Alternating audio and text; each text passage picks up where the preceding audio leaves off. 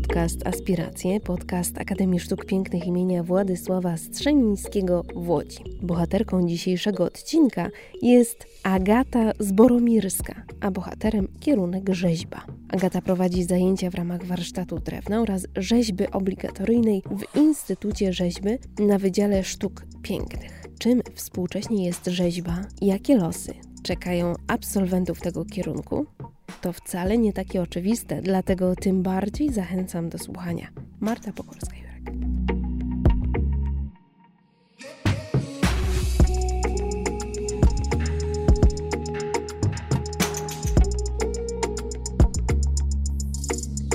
Mam przyjemność przebywać aktualnie w pracowni rzeźby, w pracowni Agaty Zboromirskiej, która i ukończyła kierunek rzeźba i która także jest dydaktykiem na tym kierunku. Cześć, dzień dobry. Cześć, dzień dobry. To może rozjaśnijmy trochę, bo przecież e, rzeźba to nie jest już teraz tylko to, co, jakie mamy wyobrażenia co do przeszłości, czyli no, to już nie jest tylko glina, ale to są też nowe technologie. To, no właśnie, czym współcześnie jest rzeźba, co można rzeźbą nazywać? Jest to tak szerokie pojęcie, że to poza tymi tradycyjnymi, które znamy, tak jak wymieniłaś, no glina, która jest e, takim podstawowym rzeźbiarskim materiałem, z którego później możemy sobie zrobić odlew w gipsie.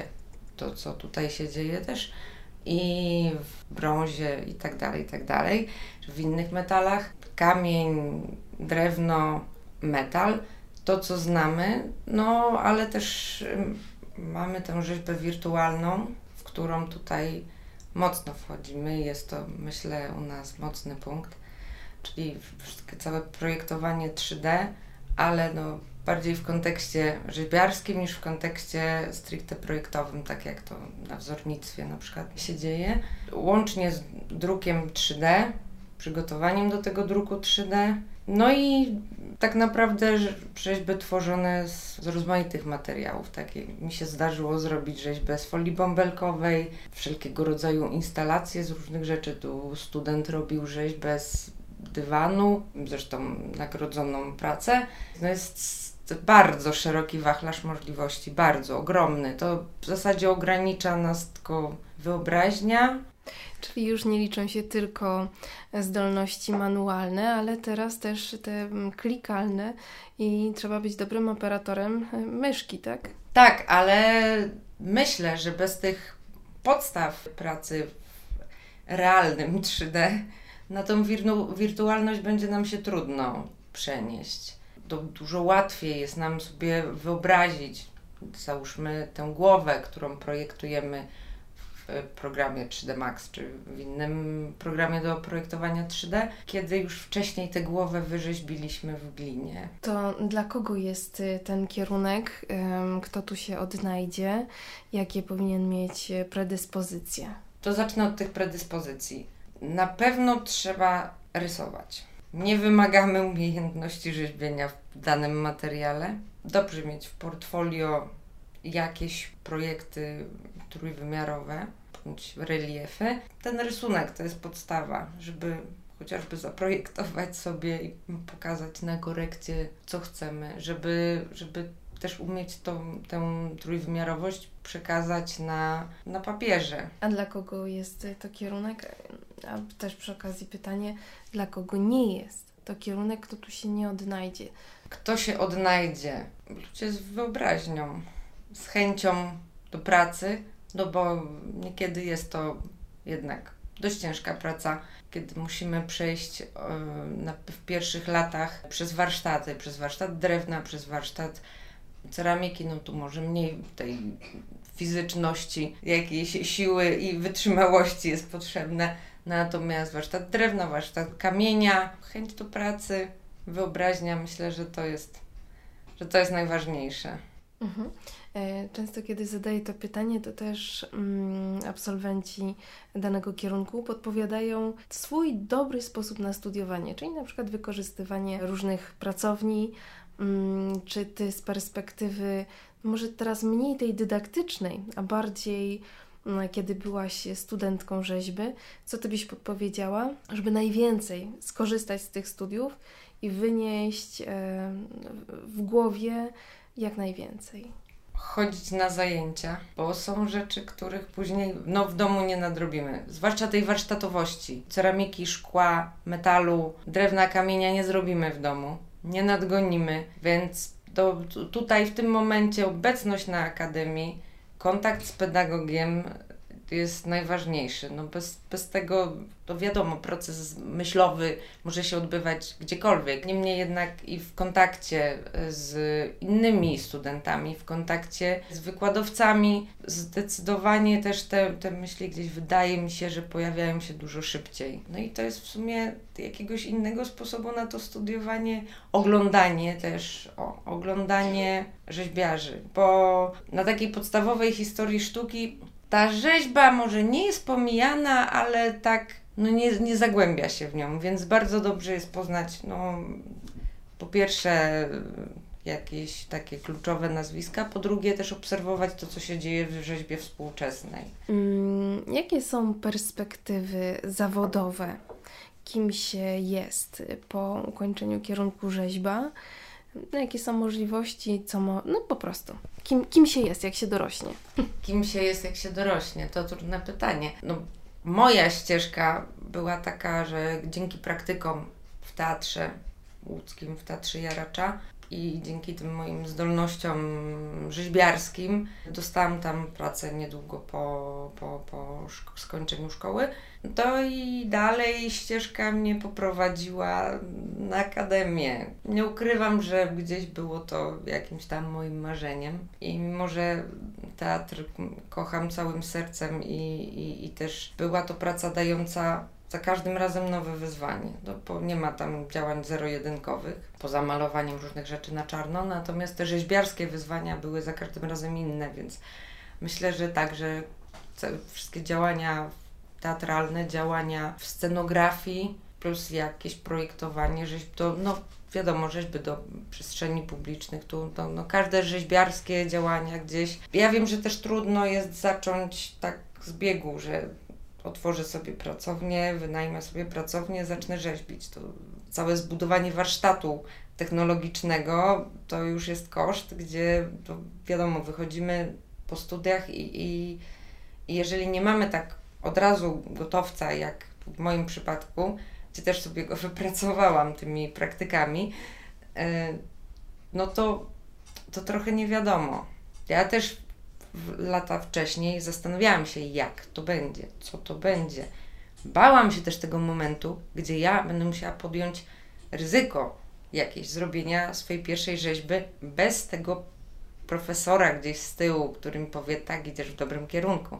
Wiadomo, że ja mogę do nich przyjść i że zawsze dostanę dobre słowo bądź konstruktywną krytykę, natomiast no jednak to już tak działam na swoje, nikt mi tu nie poklepie po ramieniu, idziesz w dobrą stronę, no, no jest, to, jest to trudne I, i, i rzeczywiście w tych wcześniejszych latach to nie wiedziałam, jak to będzie, co ja będę robić. Wiedziałam tylko, że nie chcę wylądować w żadnej korporacji. Bardzo chciałam, żeby to była praca związana no najlepiej z rzeźbą. Ja wolę siedzieć tutaj e, od 10 do 19 ze studentami, którzy dają mi po prostu jakąś ogromną radość. Nawet jak jestem rano nieprzytomna, to pojadę, zaczynam z nimi rozmawiać i jest w ogóle lepiej działa niż jakakolwiek kawa. Więc yy, i wychodzę, oczywiście wychodzę zmęczona, natomiast to jest absolutnie inny poziom zmęczenia niż po siedzeniu i robieniu dzień w dzień tego samego. To powiedz mi jeszcze, bo wspomniałaś o tych praktykach w teatrze, ale na czym one dokładnie polegały? Co ty tam robiłaś i co ty malowałaś na czarno, jak malowałaś na czarno? E, to zacznę od tego malowania na czarno. E, w teatrze wszystko, co chcemy ukryć i co jest nieważne, malujemy na czarno, po prostu ginie. Czarny mat i to ginie. Natomiast pierwsze, ja akurat trafiłam idealnie trafiłam z koleżanką na moment premiery, dużej premiery i każde ręce były potrzebne do roboty. No a tu przyszły dwie chętne, dwie rzeźbiarki i rzeźbiłyśmy ogromny szkielet pterodaktyla. Poznałyśmy już wtedy, na, w tym momencie, nową technologię, której nie znałyśmy, więc już to wielki plus. Siedziałyśmy tam niejednokrotnie długo i, i, i, tak mocno się zaangażowałyśmy. Rzeczywiście to było wyzwanie, bo, bo też no, pierwszy raz w tym materiale to był styropian i styrodur. Pierwszy raz oklejałyśmy to gazą z wikolem, co miało to usztywnić. Pierwszy raz brałyśmy udział w opracowywaniu konstrukcji, znaczy konstrukcja była opracowywana przez technologów tam, natomiast widziałyśmy jak to się dzieje, widziałyśmy cały ten proces, cały proces tego teatru od tyłu, od kuchni i no rzeźbiarsko dla mnie było to wyzwanie.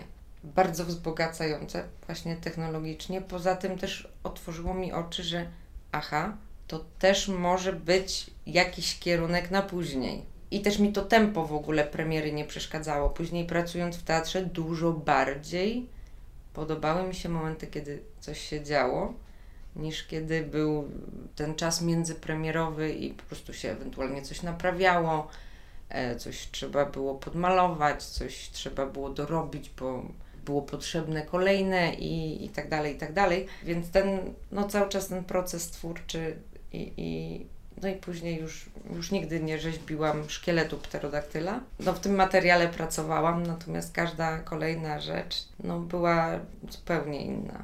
Mhm. A jakiego jeszcze rodzaju można e, staże praktyki i w jakich miejscach e, odbyć?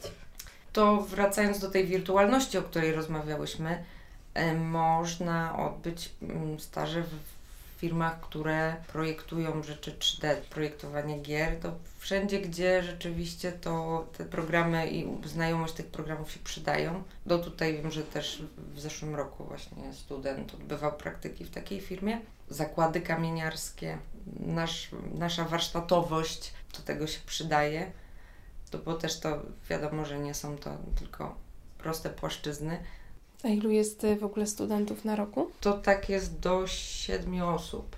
Wydaje mi się, że, będzie, że, że to się będzie zwiększać, ale to, to też jest taki, taki margines, żeby się tu ludzie czuli komfortowo, pracując w materiałach, no bo też nie ukrywajmy, nie robimy rzeczy 5 cm na 5 cm. Mhm. Więc też, też no, każda sala ma ograniczoną pojemność. Poza tym też wtedy Wydaje mi się, że pedagog może się skupić bardziej, a to właśnie, żeby poznać warsztat, każdy, gdzie te warsztaty, poza tym, że operujemy bryłą, no to różnią się zdecydowanie. 30 osób by się nie sprawdziło. Mhm.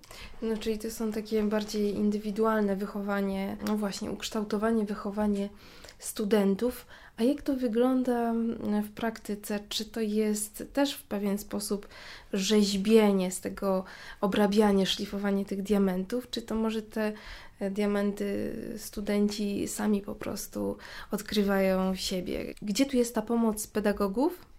a gdzie odkrywanie e, samego siebie? To tak, wiadomo, że z tej strony technologicznej, tak, warsztatowej, no to zaczyna się od pomocy pedagogów i dlatego też od pierwszego roku są warsztaty po kolei właśnie ceramika, szkło, tak jak już mówiłam, kamień, drewno, metal, więc no tutaj to jest pedagog niezbędny, no bo wydaje mi się, że mało kto przychodząc na akademię na przykład obsługiwał spawarkę, bądź młotek pneumatyczny do kamienia, bądź piłę spalinową, więc y, no ta warsztatowość to jest pierwsza rzecz. Później to jest kwestia też po prostu rozmów korekt i wiadomo, że student wychodzi z pomysłem. Później to wydaje mi się jest takie naprowadzanie ile wykorzysta z tego ten nieoszlifowany diament, no to już od, od nas tylko zależy, tak.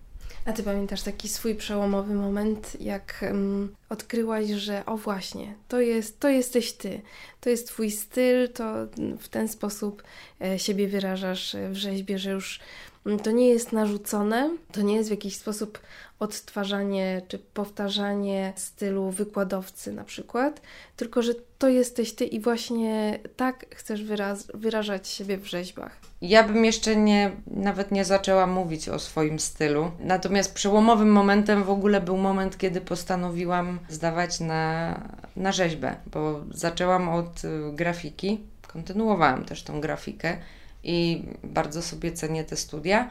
Natomiast na pierwszym roku tejże grafiki trafiłam na pedagoga z rzeźby, który w ogóle zasiał w mojej głowie myśl o tym, że ta rzeźba to jest to i że ja w tej płaszczyźnie, w tych wszystkich działaniach 2D y, jest mi ciasno i że jestem w stanie wyrazić się bardziej przez y, te formy przestrzenne. Jak tylko pojawiła się idea powstania Wydziału Rzeźby, to wiedziałam, że to jest ten kierunek. A ja w ogóle wcześniej kompletnie nie miałam pojęcia, że to jest rzeźba. Zrobiłam może w życiu dwie rzeźby, średnio udane, i jestem ogromnie wdzięczna temu profesorowi. Gdybym trafiła na innego profesora, być może zupełnie inaczej by się to moje życie potoczyło, więc to był, to był totalny przełom że mi się oczy otworzyły bardzo. Pierwsze zadanie, jakie mieliśmy, było zadaniem w papierze. Trzeba było wejść z płaszczyzny w przestrzeń, i to już było takie wow, no fajnie, to też może być rzeźba. To było właśnie tak jak proces e, przejścia z, tej, z tych działań w płaszczyźnie tę przestrzeń i potem nauczyłam się chociażby tego, jak właśnie działać syntetycznie w e, formach, na czym polega uproszczenie tutaj, a nie w martwej naturze. Stałam na rzeźbę. Byłam wówczas na trzecim roku grafiki, później studiowałam równocześnie dwa kierunki. Oczywiście aneks na grafice robiłam z rzeźby. A teraz wracam jak z tym stylem. Ja mogę tylko powiedzieć, co mi się podoba. Bardzo lubię kontrasty, kontrasty materiałów, kontrasty form. Poszukuję mocno. Cały czas to jest dla mnie poszukiwanie. Wiadomo, że cały czas się uczę. Jestem w stanie się też uczyć od studentów, gdzie to też niektórzy dużo więcej różnych innych rzeczy widzieli, niektórzy zgłębiają bardziej jakąś technologię, więc też mogę coś od nich podpatrzeć, po, podpytać się. A drugie takie słowo, gdzie sobie myślę o swoich rzeźbach, to jest transpozycja. Mój dyplom polegał na, z rzeźby polegał na transponowaniu architektury na język rzeźby. I bardzo mi się podoba to przetwarzanie zastanej rzeczywistości, przetwarzanie jej właśnie na, na, na rzeźbę, gdzieś no zawsze tutaj w moim wypadku jest to uproszczenie. No i jak o tym opowiedzieć, o czymś, co już jest bryłą, tak? W tym wypadku tej architektury mam bryłę, a muszę opowiedzieć o niej. Tu materiałem było drewno i, i stal.